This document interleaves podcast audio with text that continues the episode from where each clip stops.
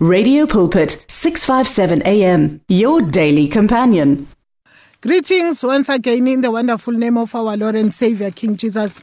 We thank the presence of the Holy Spirit as we greet all listeners Radio Pulpit ngegama lika Jesu. Eh siyathola ukuthi sikwinyanga kaAugust eh inyanga lapho was set aside for women as a women's month in our country iSouth Africa. Siyambonga uNkulunkulu. Eh sifunda izwi likaNkulunkulu lapha ku Proverbs kuzaga chapter 14 verse 1 ithi the wise woman builds her house but with her own hands the foolish one tears her tears it down. Silibonge izwi kaNkuluNkulu ekseni manje ekseni kwanamhlanje siyakhumbula ukuthi the first time we hear, hear eh ngendaba yegama lethi woman a term woman saqala ukulizwa kahle. Eh, li mention uAdam ku Genesis chapter 2 ku verse 23 wakhona. Lapho uNkulunkulu makeletha umfazi kuye. Wambiza ke wathi this is a woman. And siyabona ukuthi even this day even this day noma kushadwa a young woman make shada esikhathini esiningi make hamba kwi-aisle eh sithola ukuthi kuyaye kube nomyeni wakhe omlinde lapha phambili. And makeza kwi-aisle uyayaletha ubaba wakhe.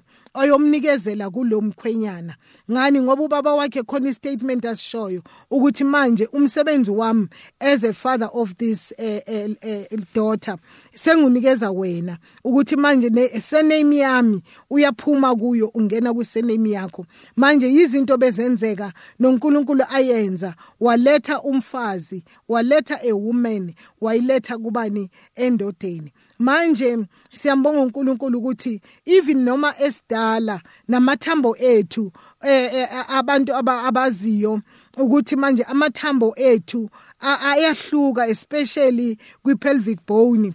Eyendoda kuyahluka kunomfazi. uNkulunkulu there are things azenzile ngaphakathi kwethu noma ngabe kungaba njani ezihlukile umfa ezomfazi esihlukile endodeni.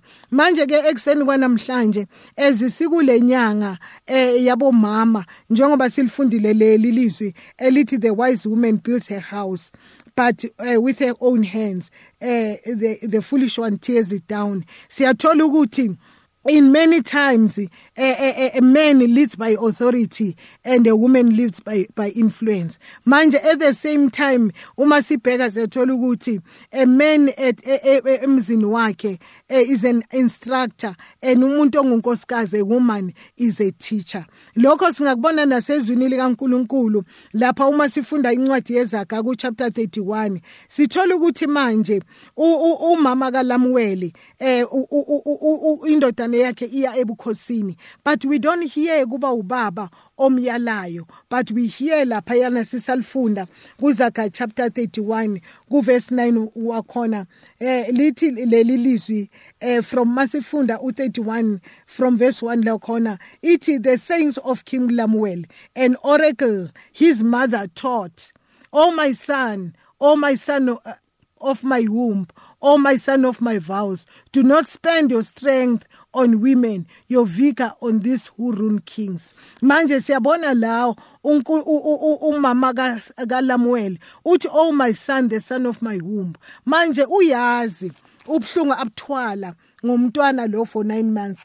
Uyabazi ubhlungu abuzwa ukumkhuliswa lo mntwana yiko lokho athi the son of my womb a son of my vows. Kukhona ifungo azenza umama kaSamuel azenza phambi koNkulunkulu njengoba nathi senza ukuthi when kusizala abantwana we bring them to church to be dedicated to God. These are the vows esizenzayo. Naye kukhona ama vows ayenza ngalomntwana lokuthi uzomkhulisa ngendlela efanelekile. Manje uthi makaqhubeka na indodana yakhe seyindala manje. Seyingene ebukhosini uthi kuyo do not spend your strength on women.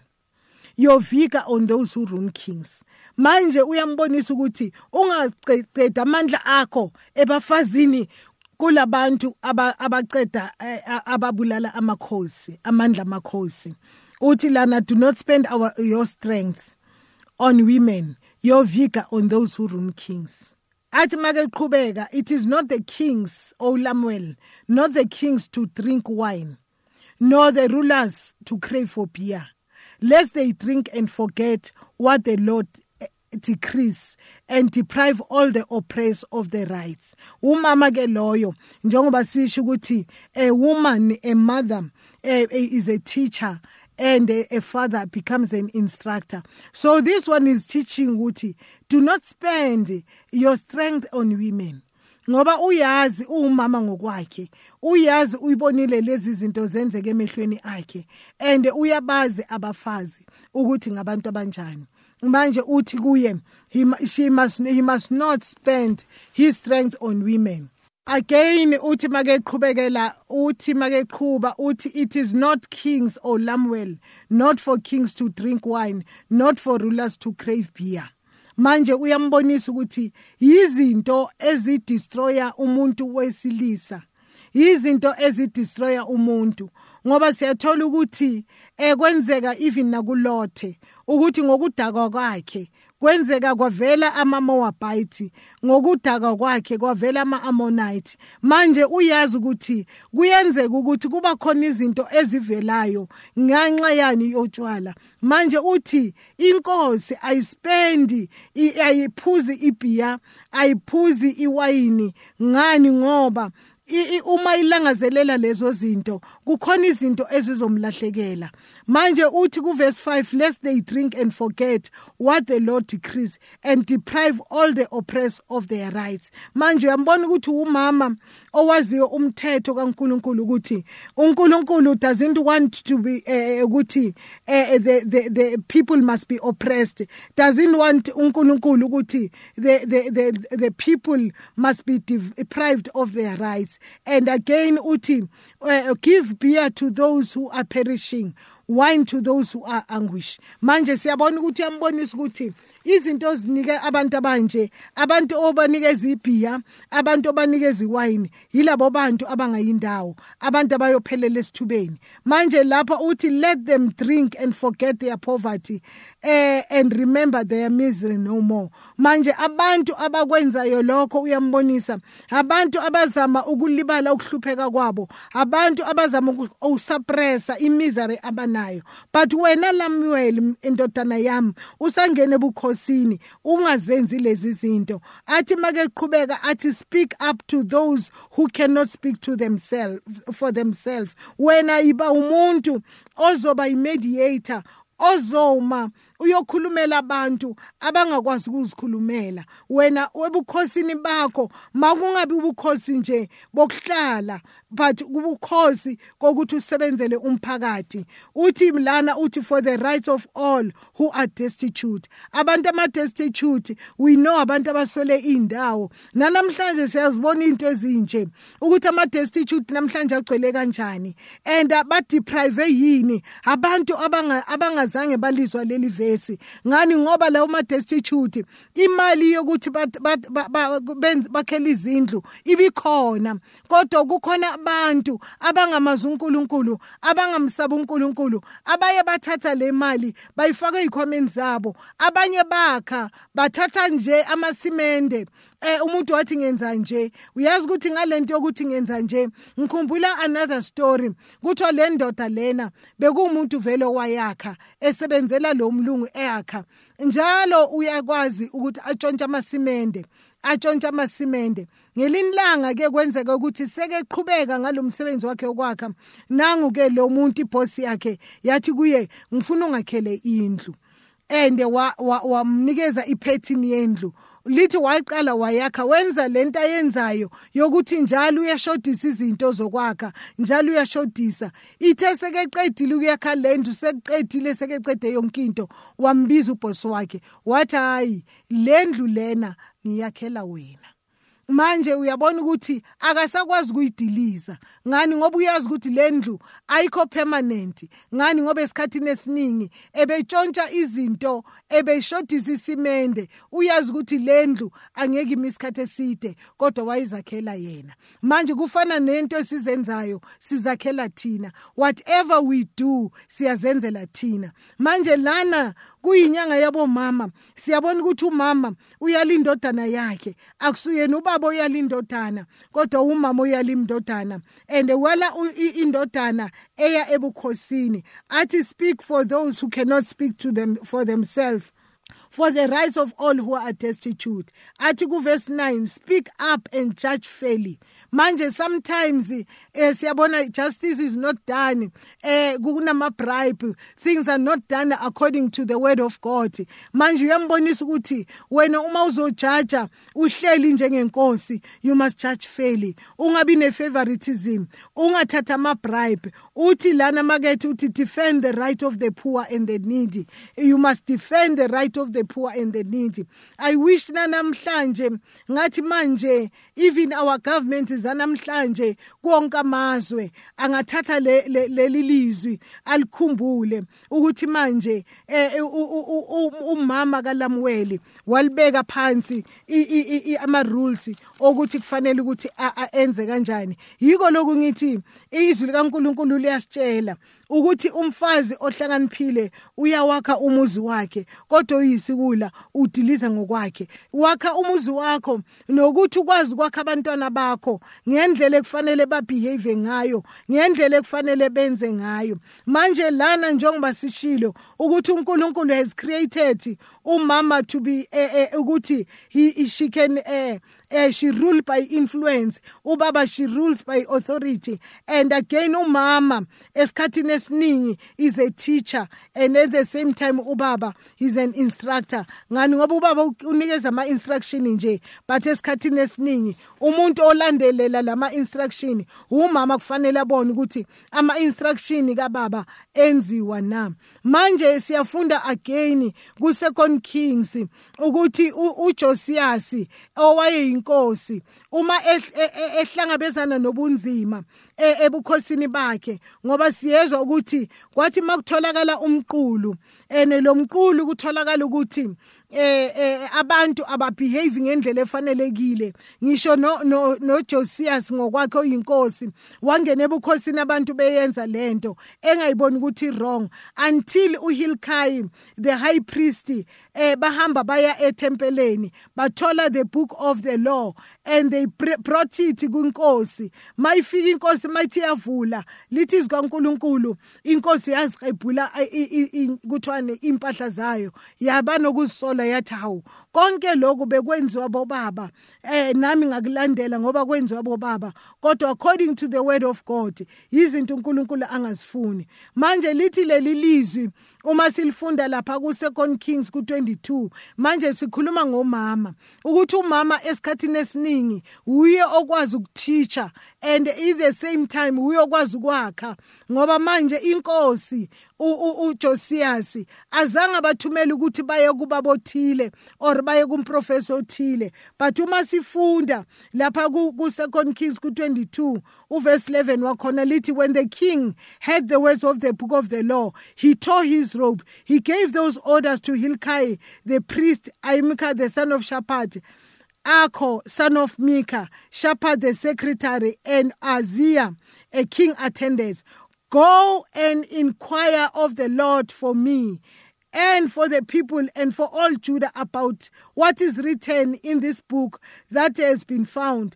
Great is the Lord's anger that burns against us because our fathers have not obeyed the words of the book. They have not acted in accordance with all that is written there concerning us. Hilkiah the priest, Ahikam Aka, Shaphat the uh, Azia went to speak to the prophetess Hilda. Where they went to, they went to a woman and to speak on behalf of the king. Njengoba sibonile nomama kaLamuel ukuthi kwaba umama kaLamuel ofundisa uLamuel ukuthi ebukhosini kuhlala kanjani ebukhosini kwenziwani yilento esithi manje ekseni kwanamhlanje kuyinyanga yabomama uma uNkulunkulu usiphathisile ukuthi kube yithi esikwazi ukululeka amakhosi esikwazi ukululeka abantwana bethu ukuthi uNkulunkulu ufunani?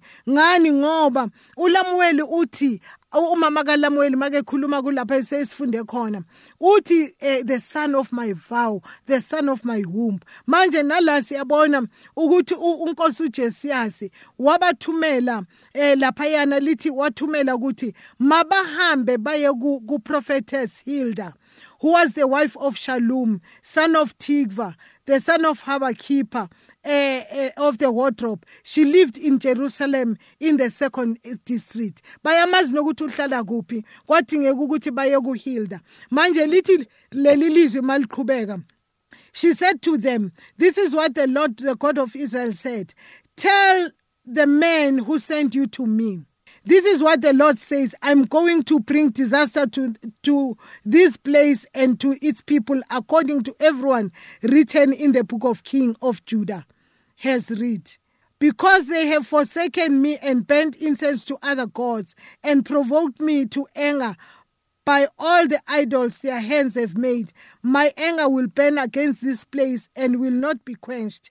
Tell the king of Judah who sent you to inquire of the Lord. This is what the Lord, the God of Israel, says concerning the words you have heard. Because your heart was responsive and you humbled yourself before the Lord when you heard what he has spoken against this place and its people, that they would become accursed and laid waste. And because you tore your robes and wept in my presence, I've heard you, declares the Lord. Therefore, I will gather you to your fathers, and you will be buried in peace. Your eyes will not see all the disaster I'm going to bring on this place. So they took her answer back to the king. Manje siyakubona nalokho ke ukuthi manje kwadingeka ukuthi kuye kumuntu ongumama. Beyofind out intando kaNkuluNkulu and uNkulunkulu spoke through umama. Namhlanje siyamangala. Makutholakala ukuthi kuthi abantu they don't uh, take into evela kumama. Kodwa uNkulunkulu wakwazi ukubasebenzisa omama nangumama emsebenzisa ukuthi manje ayophendula enkosini ukuthi uNkulunkulu uthini manje uma sibheka izwi likaNkulunkulu siyathola ukuthi uNkulunkulu wathembisa even nakuJuwel ukuthi uzokwehlisela umoya wakhe in all the flesh akazange ukuthi athi abantu abathile uthi uNkulunkulu lapha kwincwadi kaJuwel And afterwards, I will pour out my spirit on all people. Your sons and daughters will prophesy. Your old men will dream dreams. Your young men will see vision. Even my servants both men and women. I'll pour out my spirit in those days. Manje uma umoya engcwele uNkulunkulu ewuthumela uthumela komama nobaba uthumelela umsebenzi wakhe. Manje esikhathini esiningi some people bangathi mhlambe inkosi bheka yona yona ebathumele ukuthi iye kuphi iye kumama onguHilda. Akusibona abaziyele. Ngani? Ngoba ebeyazi ukuthi uNkulunkulu ukhuluma ngalo muntu afuna ukukhuluma ngaye. Manje siyabona siyabona ukuthi umuntu ongumama njengoba kuyinyanga yabomama ukuthi manje masingakhohlwa iposition uNkulunkulu asinikeze yona ukuthi uNkulunkulu can use you ukuthi ukhulume wakhe izinto ezimoshakele njengoba sikhuluma futhi eh again sesizovala naku second Samuel ku chapter 14 siyafunda nge, nge wise woman of Tikawa ukuthi uma uJowabu efuna ukuthi uAbsalom uKing David abuyelane nendodana yakhe uAbsalom she wahamba uJowabu waya kumuntu ongumama. Wathi wena uwe ozokwazi ukungena ebukhosini and uzame ukuconvince inkosi ukuthi ireconcile nendodana yakhe. Azange ye kumuntu ongubaba kodwa waya kumuntu ongumama. And ngempela lithi izwi kaNkuluNkulu she was a wise woman of Tikawa and wahamba waya ku King David wasebenza iwisdom yakhe wakwazi ukutrika uDavide. Ithe makevumelana naye wathi inkosi lento ikhuluma nawe hayi nomunye umuntu but nawe. And inkosi uDavide as great as he was he also repented. Wenza ngokusho ku-wise men yaseTikawa sesivala not only the wise men yaseTikawa siyakhumbula even nange wise woman i mean not only the wise woman yaseTikawa also the wise woman of Abel. Lapha ku second uh, Samuel uh, chapter 20 from verse 14 to 22 ungahlala uqhubeka uyifunda. Naye wasindisa uh, the nation ngokuhlakanipha kwakhe. Manje kukhona into uNkulunkulu asinikeze yona. Kuyinyanga yabomama masinga singayikhohlwa ukuthi singobani thina kuNkulunkulu ngoKristu Jesu. May God richly bless us. Sisaqhubeka ngalo August inyanga yabomama sifundisane ngoJesu Kristu inkosi yethu. Amen. The words of the Lord are words of life. Your heart is on 657 AM 657 AM radio for believers in action